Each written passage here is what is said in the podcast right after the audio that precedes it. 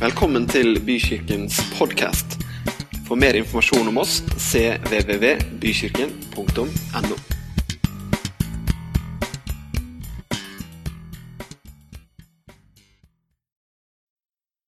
Det er eh, utrolig spesielle dager i fedrelandet og verden rundt oss. Jeg vet ikke hvor mange ganger jeg de siste dagene i samtaler og telefonmøter har sagt at vi vet egentlig ikke. Vi vet hva som er i dag, og så vet vi lite eller ingenting om framtiden. Kanskje så er begrepet 'å leve i nuet' virkelig på sin plass å bruke akkurat nå. Å leve nå og ta realiteten i dag, her og nå, inn i hverdagen, det er viktig. Verden kommer ikke til å være helt det samme etter dette. Det kommer til å være et før og etter korona. Det vil utvilsomt være et nytt referansepunkt i verdenshistorien. Så er jeg utrolig glad over å kunne løfte fram et mye større referansepunkt i verdenshistorien denne søndagen, nemlig Jesus Kristus. Her i menigheten så er vi kommet til dag nummer 28 av 100 dager med Jesus. Og hva er vel bedre? Mens vi deltar i dugnad mot spredning av virus, at vi dag for dag, enn at vi dag for dag blir bedre og bedre kjent med historiens viktigste person, Jesus Kristus.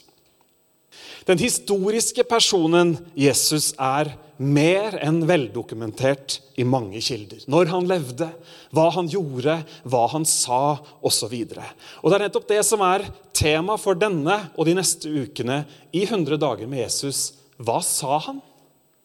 Hva sa han om seg selv? Det er fascinerende å lese om Jesus. Det er enda mer fascinerende når vi tenker på og vet og erfarer at han ikke bare var et menneske som levde en gang, men at han er Guds sønn, og at han lever i dag.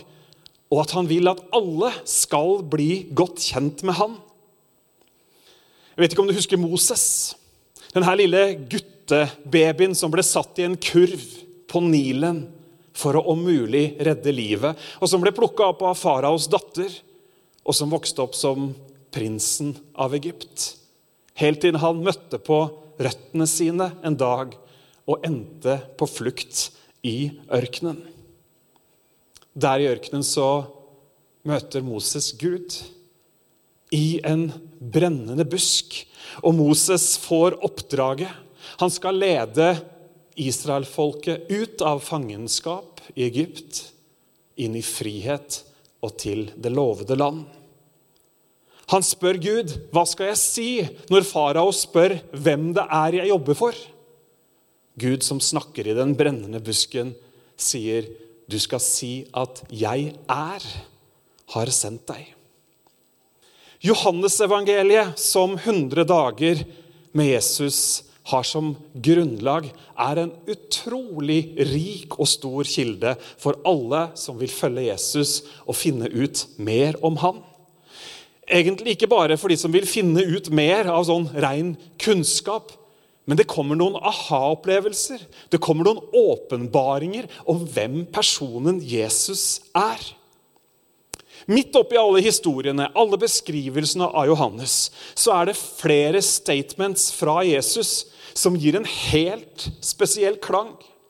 Alle stedene hvor Jesus sier 'Jeg er', etterfulgt av noe. 'Jeg er' verdens lys. Jeg er livets brød.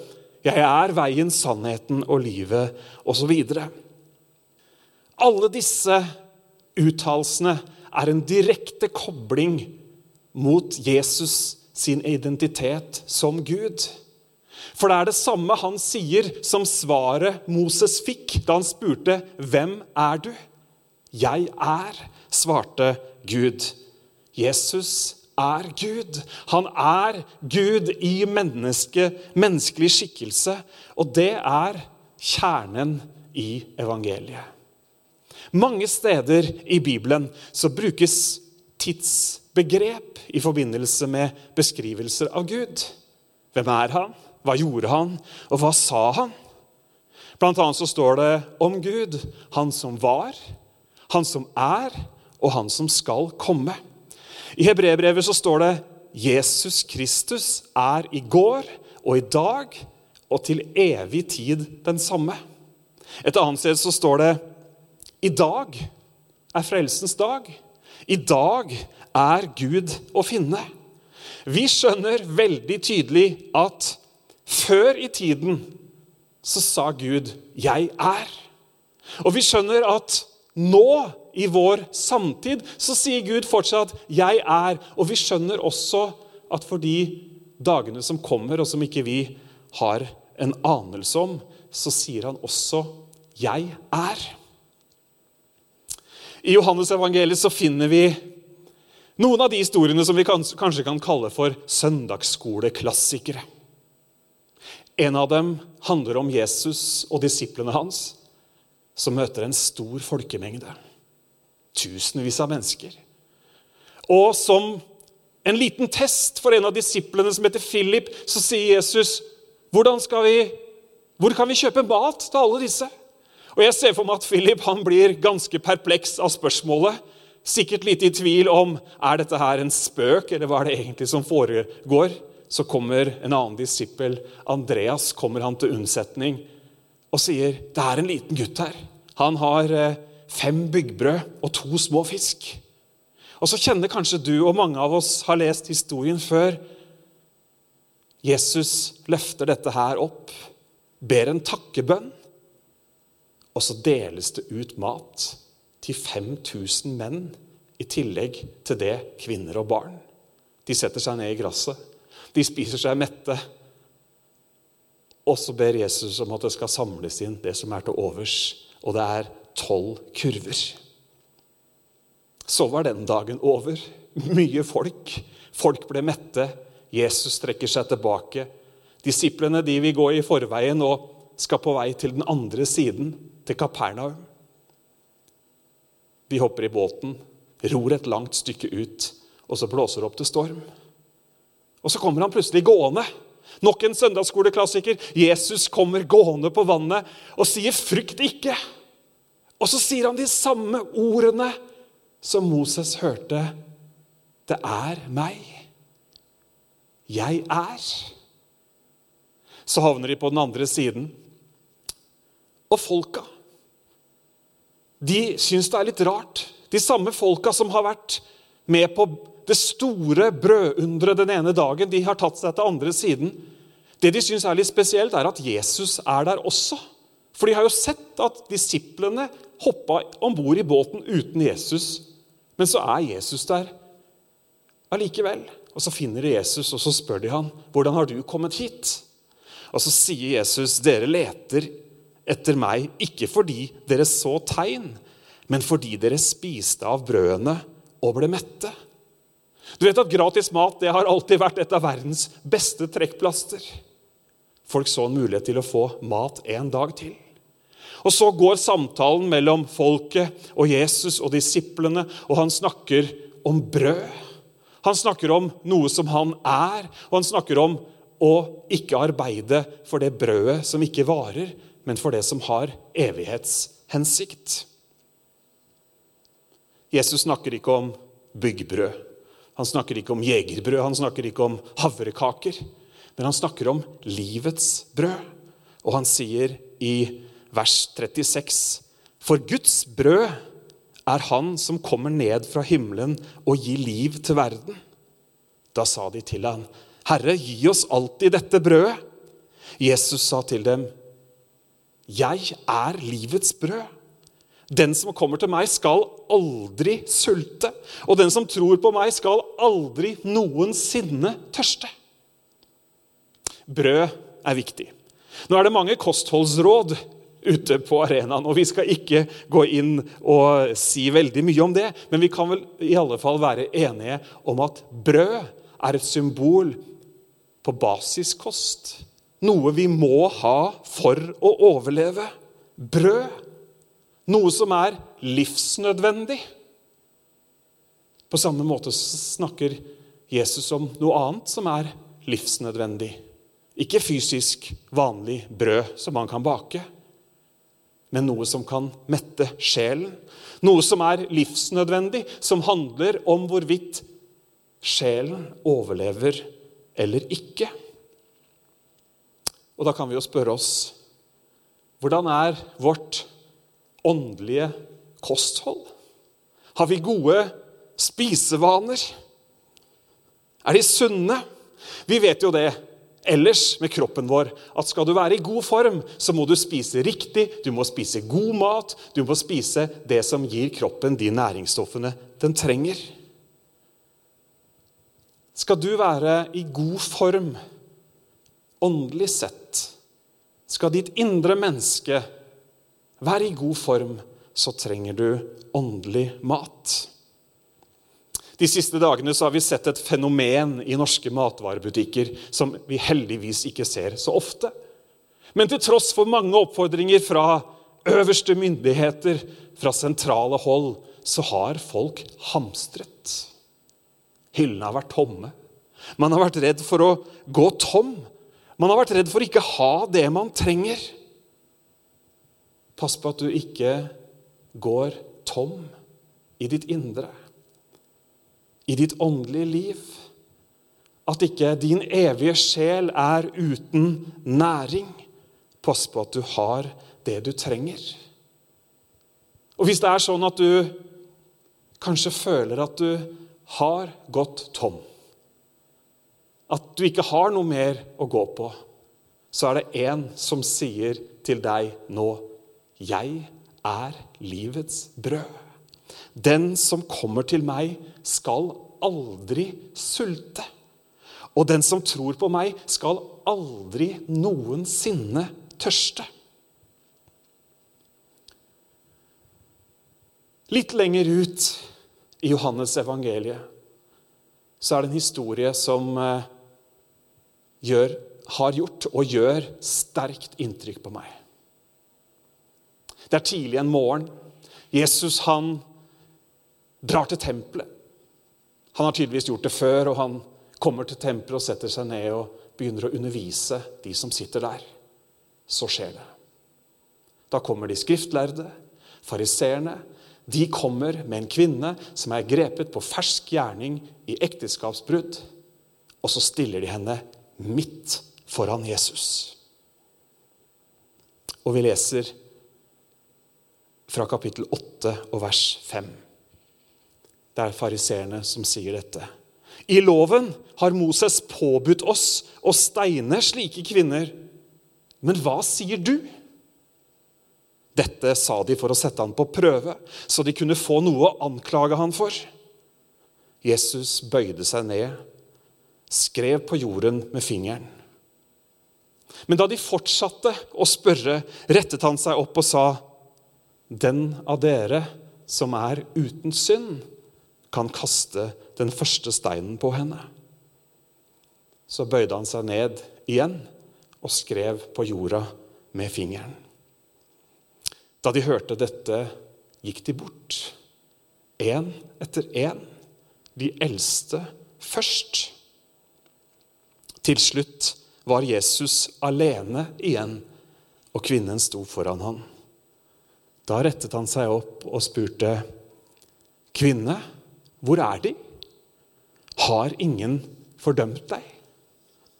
Hun svarte, Nei, Herre, ingen. Da sa Jesus, Heller ikke jeg fordømmer deg. Gå bort og synd ikke mer fra nå av. Igjen talte Jesus til folket og sa, Jeg er verdens lys. Den som følger meg, skal ikke vandre i mørket, men har livets lys. Hm. Kvinnen tatt på fersken. Dratt til tempelet. Hennes situasjon, hennes liv, var plutselig belyst av alle rundt henne. Du vet, Vi har et begrep vi sier 'sett i lys av situasjonen'. Det er når omstendighetene kaster sitt lys på noe som vi står midt oppi. Vi har et annet uttrykk, og vi sier 'dette setter meg i dårlig lys'. Hvis vi blir sett sammen med noen som har et betydelig rulleblad, eller som ikke man ønsker å assosieres med. Jeg liker veldig godt å ta bilder. Syns det er en god måte å koble av på. Og du, så viktig det er med lys.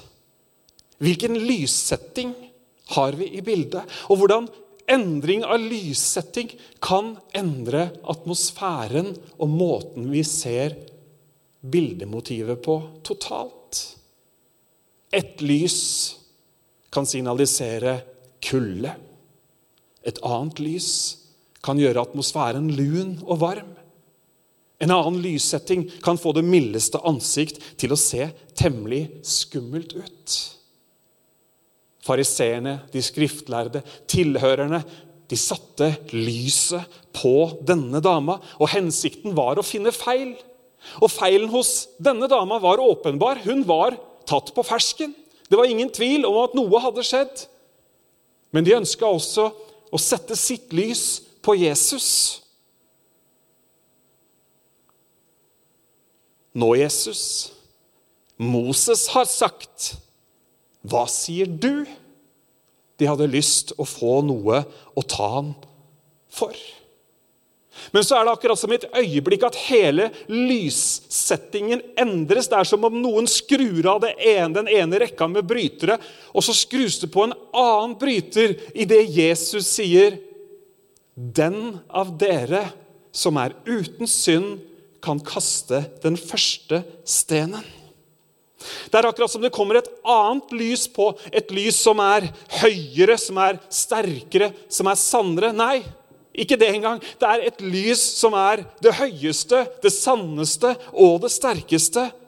Verdens lys.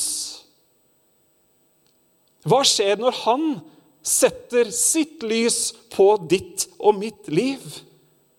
Det blir annerledes enn andre menneskers fordømmende tanker. Det blir annerledes enn vår egen selvfordømmelse. Hva sier han? Vi lever livene våre i lys av våre overbevisninger og våre trosforestillinger. Et eksempel som treffer vår del av verden veldig godt, er at vi lever livene våre i lys av økonomi og velferd. Det meste måles i penger, og vekst i velstand er ofte det høyeste målet. Gevinst, lønn og pensjon blir stikkord i vår tids evangelium. Jesus sier at han er verdens lys.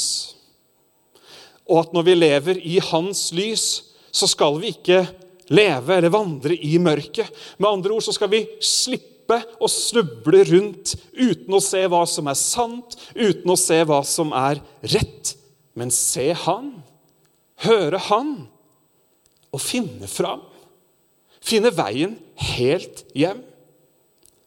Den som følger meg, skal ikke vandre i mørket, men ha livets lys. Jeg er livets brød. Dere trenger ikke å sulte. Jeg er verdens lys. Du trenger ikke å leve i mørket. Også de neste statementene fra Jesus handler om det samme. Det handler om liv. Det handler om ditt liv. Det handler om mitt liv. Akkurat som de to første vi har snakka om nå. Og Vi har ikke tid til å snakke om alle disse utsagnene fra Jesus hvor han sier hva han er. Men la meg nevne noen. Han sier, 'Jeg er porten til sauene'. Og rett etterpå så står det 'Jeg er kommet for at de skal ha liv, og det i overflod'. Jeg er den gode hyrde, sier Jesus i kapittel 10. Og det står om den gode hyrde at han gir sitt liv for sauene. Jeg er oppstandelsen og livet, sier Jesus. Oppstandelsen, den er sterkere enn døden. Og Jesus sier at 'den som tror på meg, skal leve om han selv dør'. Jeg er veien, sannheten og livet. Ja, han er en vei man kan gå på. Han er sannheten om verden, om deg sjøl. Og i han så finnes det en vei til Faderen. Ingen kommer til Faderen uten ved meg, sier Jesus. Jeg er det sanne vintreet. Akkurat som et tre har en stamme som er hovedveien for livskraft, næring, ut i greinene som blomstrer og som bærer frukt, så er Jesus vårt liv. Han er stammen som vi som greiner er poda inn i, og vi kan bære frukt. Jesus er livet i vårt liv. Bibelen sier at vi er skjult i Kristus, i Gud. Dere, jeg syns at det her er fantastisk. Jeg er glad for å kunne dele dette her med deg. Gud har et navn. Og det navnet er 'Jeg er'. Og det beskriver at han har vært, og at han er, og at han alltid kommer til å være. Han er alfa og omega. Han er begynnelsen, og han er slutten. Og han er akkurat der hvor du er. Han er livets brød. Så hvorfor gå rundt med en tomhet på innsiden? Hvorfor gå rundt med en lengsel med en sult inni deg. Og hvis du syns at livet er meningsløst, hvis du syns at det er mørkt, så kan du be Han som beskriver seg selv som verdens lys, om å lyse opp din hverdag. Han er nok. Bibelen sier at han er rik nok for alle de som roper på ham. Han er rik nok for alle de som kommer til han. Alle våre behov kan han møte. Alle våre lengsler kan han møte.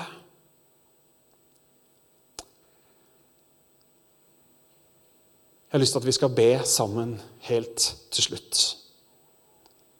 Og kanskje har du erfart hvem Jesus er før. Kanskje, har, det, kanskje har du aldri erfart det. Men jeg vil invitere deg til å be denne bønnen. Enten det er at du kjenner at du skal overgi deg sjøl på nytt, eller du skal gjøre det for første gang. Kjære Jesus. I dag så åpner jeg hjertet mitt for deg og ønsker deg velkommen inn i livet mitt. Form følelsene mine, tankene mine, hverdagen min og livet mitt slik som du vil. Takk for alt du er. Du er alt jeg trenger. Takk for at du hører meg. Amen.